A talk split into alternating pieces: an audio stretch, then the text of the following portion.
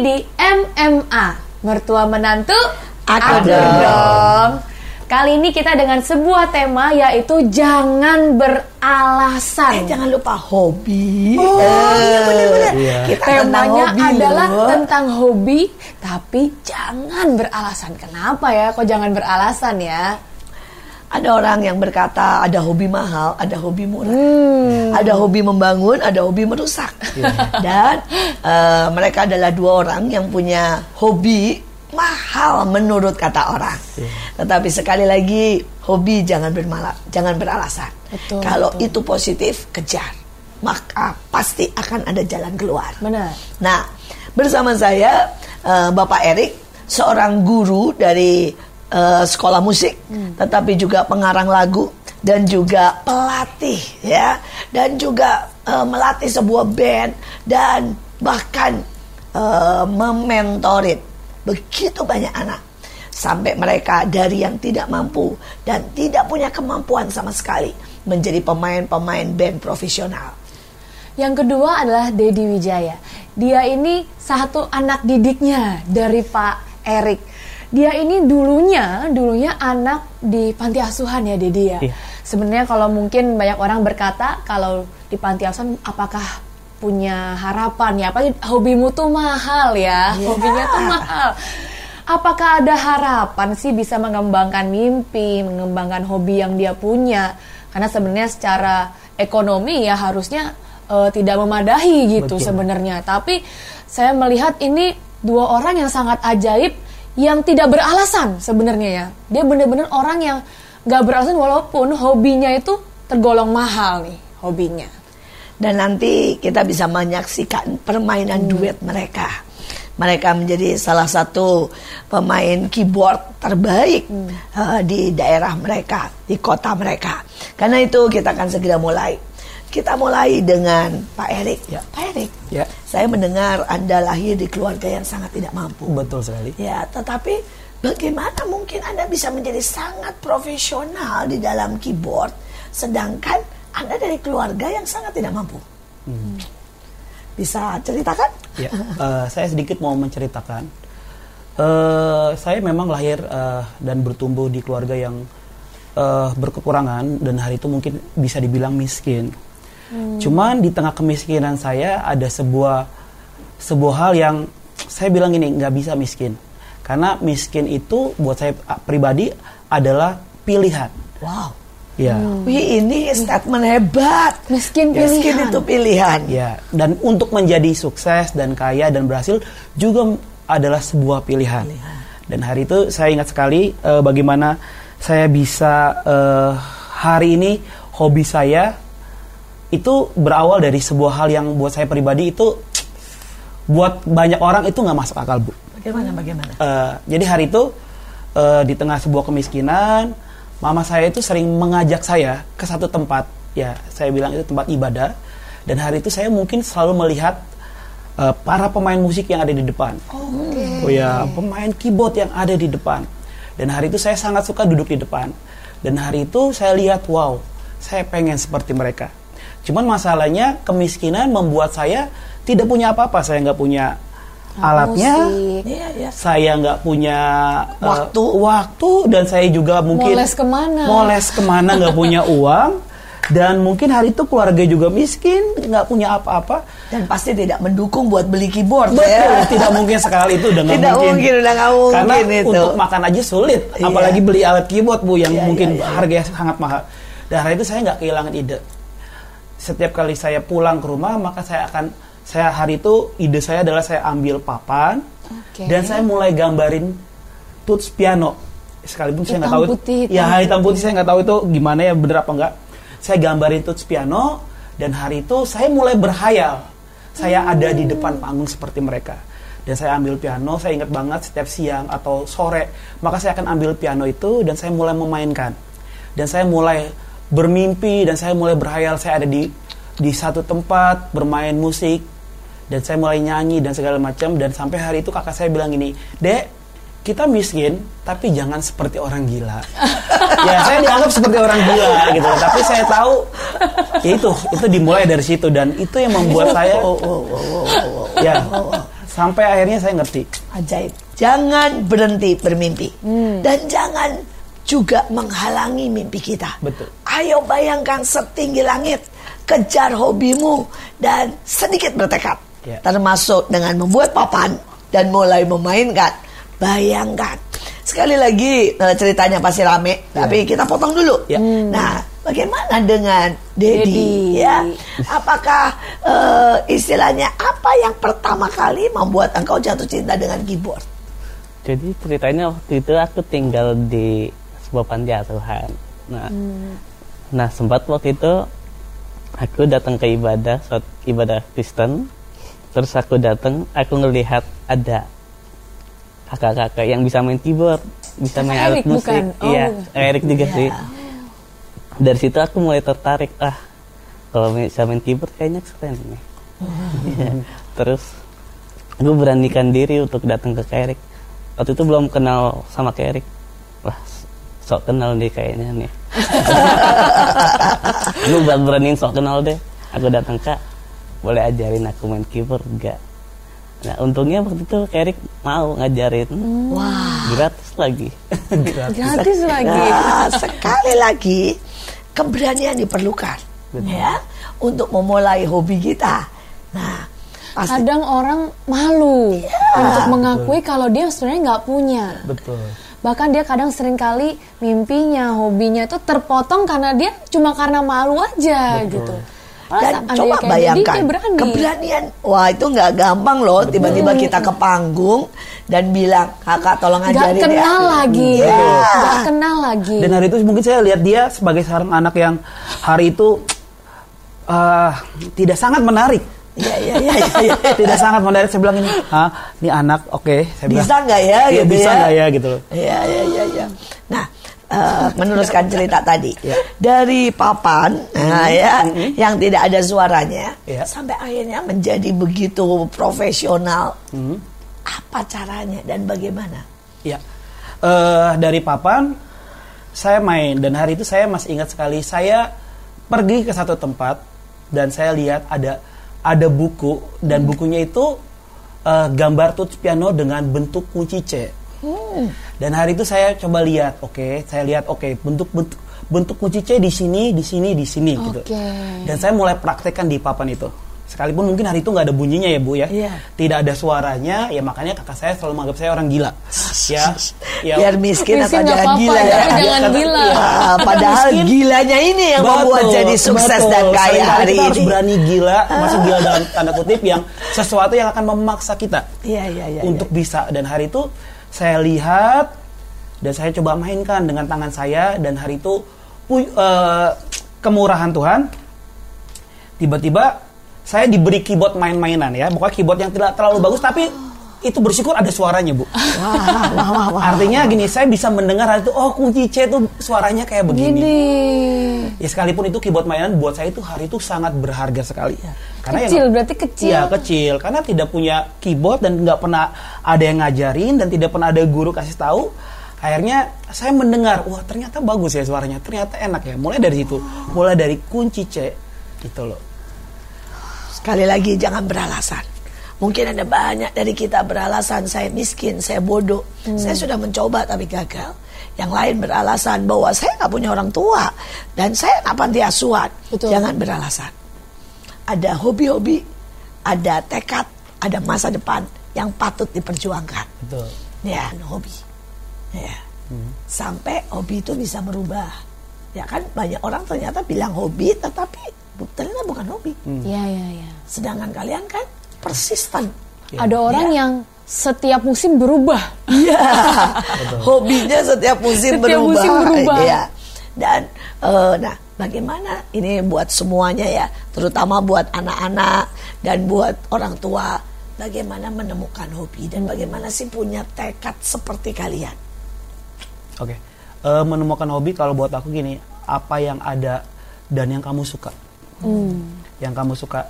Seringkali kita nggak pernah tahu apa yang kita suka dan yang kita mau itu akan menjadi sangat besar. Tanpa kita coba dan kita kerja keras dan kita persisten yang ibu bilang tadi itu tiba-tiba akan membawa sesuatu. Karena gini waktu kita kerja keras waktu kita persisten waktu kita kecemplung di hobi kita karena gini kita akan waktu kita belajar dan terus belajar kita menemukan terus yang baru yang baru yang baru masalahnya orang tidak menemukan hobi karena gini buat aku ya aku lihat adalah Yeah.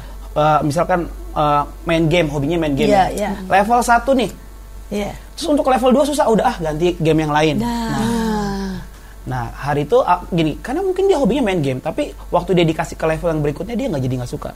Sama juga dengan main musik gitu ya. Sebenarnya sama ya. Iya, kurang lebih mirip. Hobi itu kurang lebih mirip. Jadi waktu saya di satu dikasih satu challenge kunci C, yang mungkin mudah itu semua terusnya putih semua kan kalau C, ya, putih. Nah kalau saya tiba-tiba dikasih kunci D yang ada itemnya satu, dan saya tuh kalau saya nyerah hari itu, aduh saya malas ada itemnya saya nggak mau gitu.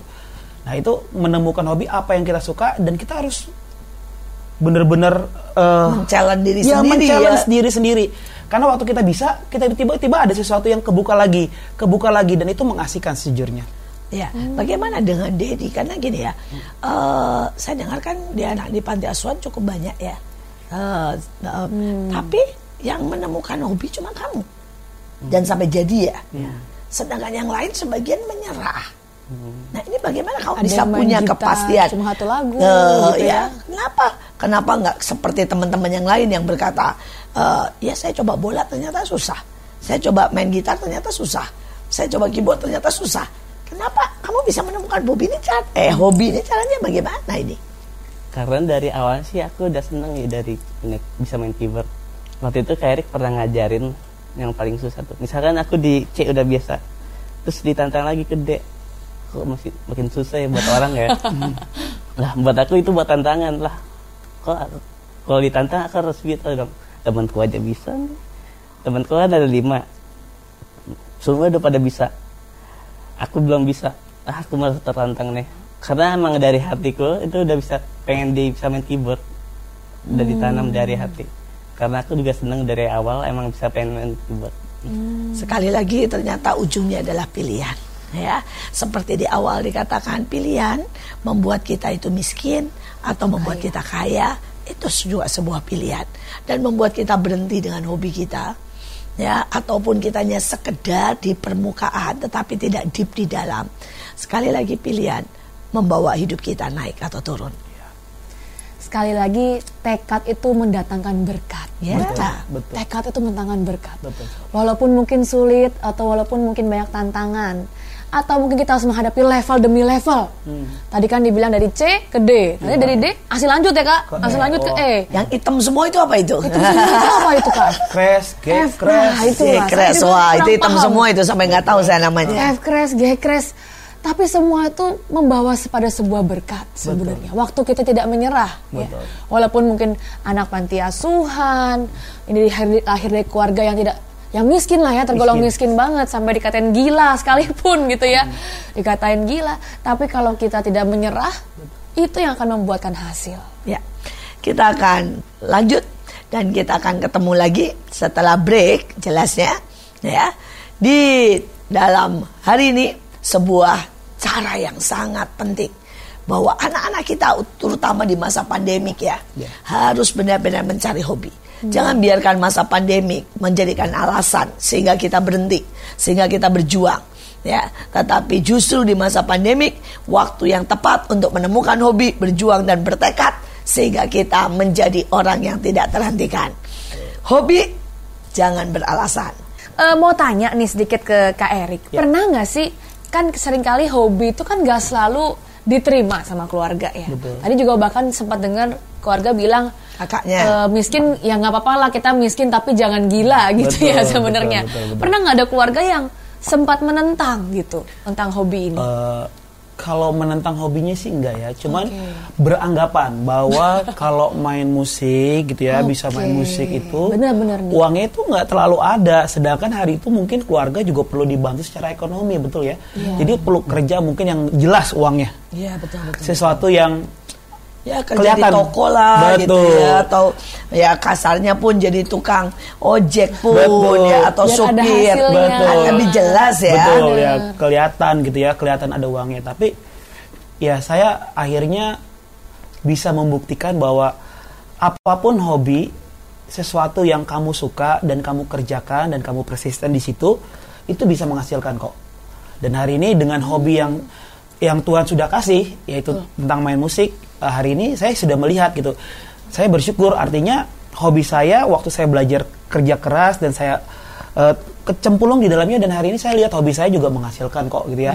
Akhirnya saya bisa memiliki rumah ya bisa punya Mobil. rumah mobil dan saya Anak, Tanah, istri. istri dan saya bisa memberi orang tua Wah, iya, iya, dan iya, bisa iya, pergi iya. yang tadi saya bilang saya pergi ke liling dunia Ini sudah keliling keliling belum Indonesia ya? Wah, belum, ya belum, dengan belum. hobi yang itu, itu seperti itu Wah, hebat, hebat. Eh, pertanyaan ini buat Dedi ya.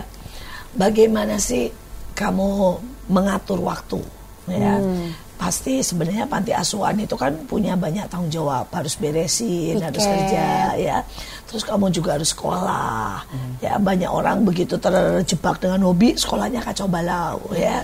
Nah, eh, coba ceritakan bagaimana kamu mengatur waktu dan bagaimana dengan hobi ini, apakah kamu hobi terus nggak sekolah, gitu ya? Atau kamu bagaimana? Aku ngisi hobi sih di jam-jam yang waktu aku ini kosong. Misalkan aku udah sekolah nih, peng, misalkan sekolah dari jam 7 sampai jam 2. Ya. Nah, misalkan ada tugas dari sekolah, ngerjain PR, kerjain dulu PR-nya. Hmm, bagus, bagus, bagus. Misalkan ada kerjaan lagi di panti Ya, asuhan cuci disuruh baju. piket. Piket. Nah, Piket, ya. Kerjain dulu piketnya. nah Wah, kan itu kan nggak nggak 24 jam kita ngerjain Itu tanggung ya. jawab namanya. Iya. Terus? Kalau misalkan udah ada jam kosong, nah baru itu latihan. Bahkan kadang malam-malam ya, Malam-malam bisa bisa kabur. bisa kabur. Terus eh, abis itu cuma hobi itu atau kuliah nih? Sekarang kuliah. Kuliah sih aku nggak ambil musik tapi cuman sebagai hobi sih. Hmm. Justru kuliahnya ngomong-ngomong ambil apa ini? Ambil akuntansi. Wah, luar biasa. Sekarang sudah tingkat berapa? Udah tingkat semester 4. Semester 4. Kita doakan supaya berhasil menjadi akuntan yang kaya raya, tetapi juga terus main musik Betul. dan terus keliling dunia nih ya, mengejar Ya. gurunya nih. Nah, ya, luar biasa sekali. Ada banyak orang pada waktu dia memilih hobi, dia mengacaukan hidupnya. Ya, betul. Ya, mereka membuat hidupnya berantakan, hubungan dengan orang tuanya hancur, kemudian tanggung jawabnya tertinggal dan membuat orang berkata, "Jangan punya hobi." Ya, lebih baik bertanggung jawab dan yang lurus-lurus saja. Tetapi sekali lagi kita belajar dari keduanya. Mereka orang yang bisa menggabungkan antara tanggung jawab, antara memberi orang tua, antara juga menghadapi hidup, menjawab semua keperluan dengan hobinya. Ya. Sungguh-sungguh luar biasa. Ya. Dan selama kita belajar bertanggung jawab, pasti ada jalan. Ya.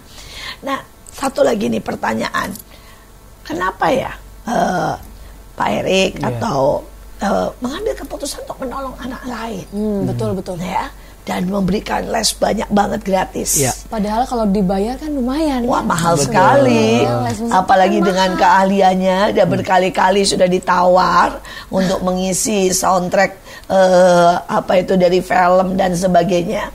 Kalau memilih buat materialistis lah Iya. istilahnya ya, Iya. atau memilih buat ke arah sana yang full-fullan ya. Mungkin hari ini rumahnya sudah dua ya. nah, kenapa sih masih mau ngurusin anak miskin nggak dibayar ya? Seperti Dedi nih. Eh, gini, eh, karena berawal saya juga tahu yang artinya namanya miskin, saya tahu artinya nggak makan. Dan biasanya anak miskin dan nggak bisa makan itu sejujurnya mereka butuh pertolongan. Dan itu berawal dari situ. Karena saya pernah miskin, saya tahu namanya susah. Karena buat saya pribadi, tiba-tiba saya menemukan bahwa waktu saya bisa bantu orang itu kenikmatan yang nggak bisa digantikan apa pun. Wah, wah, wah. Karena buat saya pribadi, saya tiba-tiba mendadak saya seperti orang kaya. Ya, sekalipun mungkin hari ini saya nggak punya uang banyak, tapi saya bisa membantu dari sisi yang lain. Artinya mengembangkan hobi mereka yang tadi main musik. Dan buat saya tiba-tiba itu sebuah kenikmatan dan apalagi saya melihat anak-anak yang miskin, yang susah, yang mereka nggak punya apa-apa apa pun dan itu menjadi challenge buat saya bagaimana seorang anak miskin, anak susah mereka bisa bangkit dan mereka bisa menemukan sesuatu yang berharga dari hidup mereka dengan hobi mereka bermain musik. Dan tiba-tiba itu menjadi sebuah kenikmatan waktu saya bisa nolong anak-anak susah. Contohnya Dedi yang dari eh, anak panti asuhan dia tidak punya orang tua ya, papa dan mamanya nggak punya. Dan saya tahu saya bisa tahu hati mereka, rasa mereka gitu loh. Mereka perlu figur, mereka perlu dibantu, mereka perlu diingini. Nah, itu perlu diingini dan akhirnya itu yang membuat saya waktu saya bisa nolong orang, saya bisa bantu orang, itu buat saya kenikmatan. Kenikmatan yang mungkin tidak bisa dibayar dengan apa pun. Kaya itu ternyata bukan soal uang. Kaya bukan soal materi. Betul. Kaya soal hati. Pada waktu hati kita kaya, maka kita bisa dengan mudah memberi. Memberi masa depan lewat juga hobi. Betul. Ya. Memberi kebahagiaan. Dan pada waktu kita memberi kebahagiaan, ternyata kita punya kenikmatan. Betul. Luar biasa sekali. Bapak Ibu dan semua yang sedang menonton, pemirsa semuanya, pendengar semuanya, eh, Pak Erik bukan cuma menjadi bapak, ya, tetapi lebih lagi menjadi kakak, menjadi adik, menjadi guru, Betul. ya. Mentor Sehingga kadang-kadang ini guru yang aneh. Kalau yang lain dibayar, kalau dia kadang-kadang membayari anak-anaknya. Betul. Ah, itu sering sekali. nah, dan ini sering sekali. Dan yang lebih unik lagi, eh, saya mendengar dari anak-anaknya bahwa Pak Erik ini sering sekali mengajak anak-anaknya pergi makan, betul, Betul, ya? betul. Ya dan sekali lagi kebahagiaan bukan ditentukan hanya oleh materi, tapi pada waktu kita bisa bersama-sama memberikan secerlah harapan, diingini, ya, itu merubah hidup, merubah karakter, merubah masa depan. Betul. Terus pernah nggak Kak Erik waktu masa kan anak muridnya masih banyak nih ya? Betul. Ada lima, tapi kan masih ada yang lain-lain juga. Banyak. Lima itu cuma yang satu Cuma grup dengan satu grup dengan dengan Dedi, ya. aja Betul. gitu karena pernah nggak sih eh, maaf kata nih ya kayak udah memberikan eh, pelajaran gratis nih ada nggak yang pernah anaknya yang kabur malah malah berlaku yang tidak baik gitu Eh, ya itu bukan satu dua itu banyak. tapi Banyak ya? ya banyak. Banyak. saya, tapi saya harus eh, saya harus membulatkan hati saya. Artinya gini, saya ini menolong eh, orang-orang yang mungkin eh, levelnya masih di bawah. Artinya Oke. pengertiannya dan segala macam kita nggak pernah tahu di tengah kemiskinan mereka mungkin mereka dipukul dengan orang tua mereka, Benar-benar. mereka dihajar dengan orang tua mereka, akhirnya mereka punya mental pemberontak. Oh ya, ya, Oke. ya, ya. Nah, Ini pelajaran sangat baik ya. Betul. Kayak Dedi mungkin ya. Dedi kan dia kehilangan mungkin figur papanya dan mamanya. Jadi saya tahu bagaimanapun pasti ada akan ada anak-anak yang seperti itu. Ya tiba-tiba kabur, tiba-tiba marah, tiba-tiba nggak jelas. Cuman buat saya, saya membulatkan hati saya bahwa saya mengajar orang-orang yang seperti itu. Dan saya tahu gini, untuk itulah saya ada. Artinya karena saya tahu saya pernah miskin, jadi saya coba tolong mereka. Makanya tadi seperti ibu bilang, ya saya memberi penga- eh, pelajaran gratis buat mereka. Tapi sampai saya juga gini mereka bilang kak aku nggak punya sampo gitu kan. Oh, ya. aku nggak punya sabun. Ya udah. punya sampo. betul mereka nggak punya sampo nggak punya sabun. Buat saya pribadi ya udah oke. Ya mungkin ini salah satu untuk memulihkan mereka gitu ya memulihkan mereka. Banyak hal dan mungkin eh, mesti diajak makan bareng, duduk bareng dan sering kali saya ajak makan kayak contoh Dedi makan bareng, duduk bareng. Dan saya mulai ngobrolin sesuatu apa yang menjadi kesulitannya dia. Apa yang menjadi kelemahannya dia dan itu membuat dia makin lama makin lama itu bisa sembuh dan itu mempermudah dia untuk mengejar hobinya dia itu. Ternyata hobi tidak hanya sekedar ya untuk masa depan dan untuk membawa penghasilan dan Betul. uang, tapi ternyata hobi bisa menyembuhkan. Betul. Seperti yang tadi dikatakan. Betul sekali. Saya baru ya luar biasa ya pelajaran yang baik pada waktu orang tua bisa melihat ini. Ya bahwa hobi ternyata bisa menyembuhkan. Hmm. Betul, betul sekali. Maka sebenarnya orang tua akan bisa mendukung anak-anaknya untuk mengejar hobinya. Betul. pernah nggak kak eh, pas ini pengen nyerah gitu di titik wah ini udah keterlaluan sekali nih aku pokoknya ingin berhenti ngajar lah gitu pernah nggak ada momen seperti itu Kalau nyerah sih enggak ya, cuman lebih kayak hopeless gitu ya. Artinya, aduh ini anak ini, aduh anak ini, ini bentuk apa lagi anaknya gitu kan? Itu bentuknya macam-macam kan. Dari bentuk Contohnya apa nih yang bentuk paling males, misalnya dikasih PR gini, ini PR-nya ini ini ini ini, ini ya. Cuman ujung-ujungnya pasti tanya, kak PR-nya yang mana loh? ya, Debbie juga pernah. PR-nya aja lupa ya. Iya, itu tuh kayak sejujurnya kayak "Hah, masih ada harapan ke anak ini gitu. Tapi saya tahu bahkan orang bodoh sekalipun pasti harusnya punya harapan ya. Betul, betul. Pasti sangat punya harapan. Cuman masalahnya seberapa ya kita nggak nyerah dengan anak itu gitu ya. Contohnya Dedi dari kelima anak, mungkin dia yang paling tertinggal. Hari itu belajarnya paling lama. Bisa aja saya bilang gini ya, udah Ded, belajar, udah kamu belajar sendiri. Nanti saya mendingan saya ngajarin yang empat anak ini yang lebih cepat gitu loh. Cuman buat saya pribadi ya saya sempat gini, ada putus asa bisa ngajarin dia aduh ini bisa apa enggak ya bisa enggak tapi tekad saya sekali lagi ya saya pernah miskin dan saya pernah susah ya udah saya bilang gini oke saya duduk bareng sama dia ngajarin dia dan segala macam dan hari ini buktinya tekad yang saya buat buat anak tersebut malah jadinya lebih baik gitu loh dari keempat anak yang sudah saya ajarkan Wow. gitu. Luar biasa. luar biasa sungguh-sungguh eh, sebuah tekad sebuah cinta sebuah kasih tidak pernah sia-sia Betul, ya betul. dan kita tidak boleh cuma satu sisi cuma hobinya aja Iya. ternyata kita juga harus tahu tentang hatinya tentang masa lalunya dan menjadi bapak buat mereka rupanya Betul. sangat menyembuhkan Betul. nah sekarang eh, Dedi boleh cerita nih ya pengalaman apa yang paling menyakitkan dengan Erik. Ya, ya. Banyak ya. dan dan soal Banyak ya. hobi nih ya soal hobi yang beranggotan dengan hobi. Tapi juga pengalaman apa yang paling menyenangkan? Pengalaman paling menyedihkan buat sih waktu itu sempat pernah gini ya. Di momen aku udah udah bisa main keyboard nih. Terus aku minta datengin ke Kairik nah Kairik hari ini ada latihan nggak kak? Aku tanya gitu. Ada. Eh ti- tiba-tiba pas aku datang ke tempat latihan Kairik kita ada oh dia mau nunjukin Iya. dia udah bisa Udah bisa. kan. Oh dia mau nunjukin dia udah bisa. iya ternyata Kak Eriknya nggak Nggak ada sedih banget tuh Sedih banget. iya lucu ya. Tapi lucu lah Bang Deddy ini menurut saya eh, kalau punya pacar ya dia akan lebih mencintai keyboardnya daripada Iya, pacarnya betul, sejujurnya. ya. Cinta banget ya. Dan eh, ya ini pelajaran ya. Seringkali kita mengecewakan anak kita, kita mengecewakan orang-orang. Mungkin nggak sengaja hal-hal yang simple. Ya ternyata itu sangat menyakitkan. Padahal buat kita mungkin oh lupa, gitu ya. Atau oh saya ada keperluan lain dan ah itu mah nanti bisa gitu ya. Tapi ternyata itu menyakitkan buat anak-anak kita. Ya buat orang-orang di dekat kita. Mari kita lebih perhatian. Nah tapi yang tadi belum tuh Iya. pengalaman yang menyenangkan menyenangkan. yang paling berkesan. paling berkesan sih aku senang banget bisa Kairik bisa ngajarin aku gratis aku buatku udah senang banget sih itu Oh itu. Enggak pada waktu diajak makan itu enggak. Eh, senang juga sih. Sedih juga sih. Terus pada waktu diajak duet gitu ya, main duet bareng eh, ke luar kota atau duet bareng gitu, eh, mungkin naik pesawat gitu, gimana rasanya tuh? oh bangga sekali.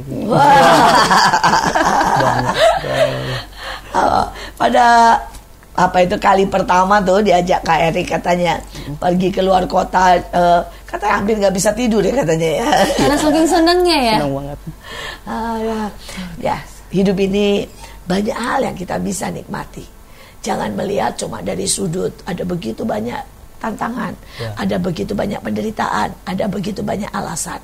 Tapi mari kita melihat bahwa pada waktu kita berjuang sedikit saja, ya, pada waktu kita bertekad lebih lagi, ternyata ada begitu banyak jalan dan pintu yang terbuka. Betul. Nah, nah, kita sampai nih pada inti juga nih supaya semua cara belajar keyboard yang mudah. Betul. Oke. Ini kalau dari saya nanti Dedi boleh tambahin juga ya. Boleh, boleh, boleh. Karena boleh. ya, Dan anggaplah di sini papan ya, Ya, karena oke. kita mau eh, semuanya yang belajar bukan yang punya keyboard saja, Betul. tetapi mereka yang seperti eh, mereka berdua Ya. miskin, tidak punya guru dan tidak ya punya fasilitas. eh, kalau buat saya pribadi eh, untuk bisa mudah dalam bermain musik atau keyboard. Yang pertama kali ya buat banyak orang itu eh, sulit karena kenapa di keyboard itu contoh ya di keyboard itu kan ada tus putih dan item-itemnya dan itu kayak sejujurnya Apa ini? apa ini pencet apa lagi gitu ya dan buat saya pribadi paling mudah dalam bermain musik dan ini saya terapkan metode ini kepada anak-anak adalah pertama kali kamu harus belajar namanya tangga nada. Karena kan eh, tangga nada cuma ada do re mi fa sol la si do. Balik lagi ke do lagi Oh, kan? gitu, ya. jadi itu aja. Jadi mau tangga nada apa pun sama aja ujung-ujungnya. Jadi belajar sebuah tangga nada do re mi fa sol la si do itu mempermudah. Yang tadi saya bilang di awal bahwa misalkan di C sama dengan do, maka kita akan ketemu nada yang do mi sol. Maka untuk kita main di kunci D, ingat juga, oke, do mi sol. Jadi eh, tipsnya buat aku untuk belajar cepat, belajar menghafal not, belajar tangga nada. Karena kalau kamu belajar nada, eh, not dan tangga nada itu mempermudah kita untuk membentuk sebuah chord. Sangat mudah sekali. Ya, ya, ya, ya. Buat Didi? Waktu itu Kak Erik pernah ngajarin aku cara main keyboard yang gampang. Jadi misalkan kita main dari C. Nah, kita misalnya mau misalnya kalau lagu kan nggak cuma C doang chordnya. Nah, nah Kak Erik tuh ngajarin progres main keyboardnya gimana. Dari kuncinya mau latihannya gini, gini. Yang pertama gini. C, A minor, D minor ke G, baru ba- balik ke C lagi. Mm-mm. Misalnya kalau C kan do mi sol, berarti kalau misalnya ke A minor la la apa la la do mi, baru ke D minor re fa la, baru ke G sol sol si re. Nah, ya. Baru ntar kalau misalkan di C udah bisa baru pindah ke chord yang lain. Mm. Dengan not yang sama. Not yang dengan sama. not yang sama. Ya pokoknya tadi ya eh, C, eh, D minor, A minor, A minor, dan G. kemudian G. G, ya. Udah cuma itu aja. Iya, latihan itu aja. Lati- lancarin itu dulu gitu Latihan ya. dulu. Oke. Jadi kalau itu nanti dipindah ke D, dipindah ke mana atau pakai sekarang model transpose ya, Ya. tinggal pencet. Pokoknya itu udah pasti bisa ya. Wah ini tip yang gampang. Nah eh, sekarang kita mau berkata bahwa apa sih keuntungan daripada eh, punya hobi, khususnya musik ya. Eh, khususnya ini kita tahu hari-hari ini banyak sekali pandemi, Betul. ya. Bagaimana peran musik untuk menghadapi pandemi? Oke. Kalau buat saya eh, peran musik untuk menghadapi eh, pandemik itu gini, musik itu punya emosi, ya. Musik itu punya suara, musik itu punya gelombang, musik itu punya radiasi. Wah, Oke. Ya makanya ini hobi. Karena gini, waktu kita punya hobi, saya baca sebuah artikel bahwa orang-orang yang punya hobi itu cenderung imunnya cepat bisa naik. Betul. Karena dia bisa meluangkan semuanya, meluangkan emosi di jiwa, di tubuhnya dan segala macam. Dan kalau untuk musik itu, nah karena gini, di musik itu eh, bisa kita bisa membuat sebuah suasana. Contoh di pandemik ini banyak orang depresi depresi, dan susah. Iya, makanya kalau kita lihat di beberapa rumah sakit eh, sakit jiwa ya, itu biasanya mereka lagu untuk ya? mereka ya mereka untuk bisa tenang mereka ha- harus diputar Musik. musik. Ya entah itu musik klasik atau mungkin cuma piano doang, instrumental dan itu membuat mereka tenang dan eh, untuk menghadapi pandemik ini seperti saya bilang musik itu punya emosi. Jadi kalau kita eh, khususnya yang bisa main musik ya atau segala macam waktu mungkin kamu ngadapin keluarga yang hari ini ngalamin depresi, sulit, sedih di tengah pandemi ini, coba ambil main piano dan mulai main. Karena tiba-tiba itu akan bisa merangsang emosi di jiwa kita. Kita bisa bikin kita happy atau musik juga bisa bikin sedih juga. Makanya nggak heran kalau contohnya musik-musik Korea itu kebanyakan orang bisa nangis, saya bilang gitu ya. ya makanya tergantung musik apa yang kita mau mainkan. Karena musik ini punya peran penting. Karena seperti saya bilang musik punya emosi dia punya gelombang dia punya frekuensi. Jadi waktu kita mainin yang ceria kita mainin yang sesuatu yang membangkitkan kita dan itu yang membuat tiba-tiba radiasi sama frekuensi musik itu ngalir ke kita. Dan membuat kita jadi sukacita. Yang pasti berarti hobi membuat kita lebih sehat. betul. Ya dalam apa saja hobinya, ya jiwa kita yang pertama sehat. Ya, dan setelah jiwa kita sehat, maka tubuh kita juga akan menjadi sehat. Kenapa? Kita tidak diam, tapi kita ber mulai ya bergerak, beraktivitas. Dan hari-hari ini pada saat ada begitu banyak orang yang eh, di dalam rumah dan mungkin ya bosan, kemudian mereka yang sakit, mereka berbaring. Ayo, mari, mari. Saya berharap jangan beralasan saya sakit, tapi justru di dalam keadaanmu kembangkan hobi. Maka ada sesuatu yang akan mengalir. Ada radiasi dan radiasi kesembuhan. Radiasi, ada emosi. Saya berharap ada emosi sukacita. Betul. Ya, dikatakan juga ya ada sesuatu gelombang dan saya berharap ada sebuah gelombang tekad. Betul. Gelombang ya untuk kembali berjuang dalam hidup ini. Nah, sekarang dari Dedi ya. Menurutmu musik itu apa? dan eh, atau musik dan keyboard dan hobimu itu apa buat engkau? Eh, musik buat aku sih itu kehidupanku ya. Mm.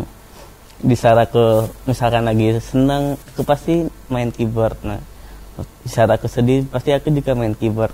Mm, Ibarat kata itu musik temanku lah. Luar biasa, luar biasa ya. Musik dan hobi itu adalah kehidupan, tapi itu juga teman, tapi itu juga tempat menyalurkan segalanya. Hmm, ternyata berguna banget ya. Hobi. Punya hobi. Betul. Jangan beralasan. Kita ada di penghujung acara dan inilah waktunya buat Pak pesan-pesan. Erik menyampaikan sebuah pesan yang mungkin eh, sangat penting dan bisa benar-benar menyemangati. Ada jutaan anak yang mungkin hari ini merasa tidak bisa untuk menemukan hobinya. Silahkan.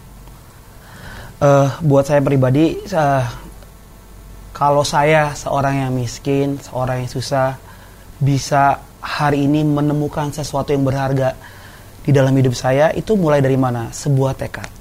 Dan saya juga percaya sebuah kesempatan yang sama buat seluruh anak-anak di seluruh dunia, bahkan di Indonesia sekalipun. Sekalipun mungkin hari ini kamu melihat ekonomi keluargamu, hidupmu susah dan segala macam, tetap ada harapan. Waktu apa? Ada orang-orang yang bertekun, bertekad. Dan pastinya kamu tahu hobimu itu adalah sesuatu yang akan mengubah hidupmu. Jadi jangan sampai hobi kita justru membuat kita jadi malas, jadi membuat hobi kita membuat kita menjadi sangat tidak punya arti gitu loh. Jadi temukanlah sebuah hobi yang itu akan mengubah hidupmu. Ya contohnya kayak saya, saya lewat hobi saya sebuah kepercayaan yang Tuhan sudah kasih dan itu membuat saya bisa melihat hari ini semua kemurahan Tuhan dalam hidup saya. Itu kalau dari Dedi, Dedi. Buatku jangan pernah beralasan kalau kita nggak bisa. Mm. Kita pasti bisa asalkan kita punya semangat dari dalam buat untuk ngejar tujuan kita. Dari saya, hobi adalah sesuatu yang sangat positif. Dan hobi bisa memberi kehidupan. Hobi bisa membawa kita naik. Hobi bisa memberi berkat. Hobi bisa menciptakan masa depan. Saya berharap setiap anak muda, pilihlah hobimu. Dan mungkin buat saya, saya punya hobi yang aneh. Saya hobi bercerita, saudara. Saya sangat eh, suka untuk membaca cerita, mengarang cerita di otak saya. Dan saya suka bercerita, saudara. Dan itu dimulai dari sejak saya umur satu tahun. Orang berkata itu sebuah hobi yang berhayal, ya. Sampai pernah ada seseorang guru yang berkata, kamu ini bisa bedain nggak ya antara Realita. eh, realita dengan dunia dongeng, ya. Karena buat saya Cinderella, eh, superhero, perwayangan, semua adalah sebuah cerita dan hidup ini juga sebuah cerita. Tapi saya mau berkata lewat hobi itu, saya dari usia 8 tahun sudah mengarang cerita dan mengirimnya ke pikiran rakyat dan sebagainya dan memberi makan kehidupan keluarga saya sampai hari ini. Sekali lagi, jangan pernah menyerah dengan hobimu. Mungkin kamu bisa lahir di keluarga yang sangat miskin, tetapi jangan beralasan. Beralas. Sekali lagi, jangan lupa untuk like, comment, and subscribe. Dan jangan lupa juga ya, nyalakan loncengnya. Agar nanti kalau ada episode selanjutnya, langsung ada notifikasi yang masuk. Oke? Sekali lagi, bersama kami, MMA. Mertua menantu, dong. Sampai jumpa.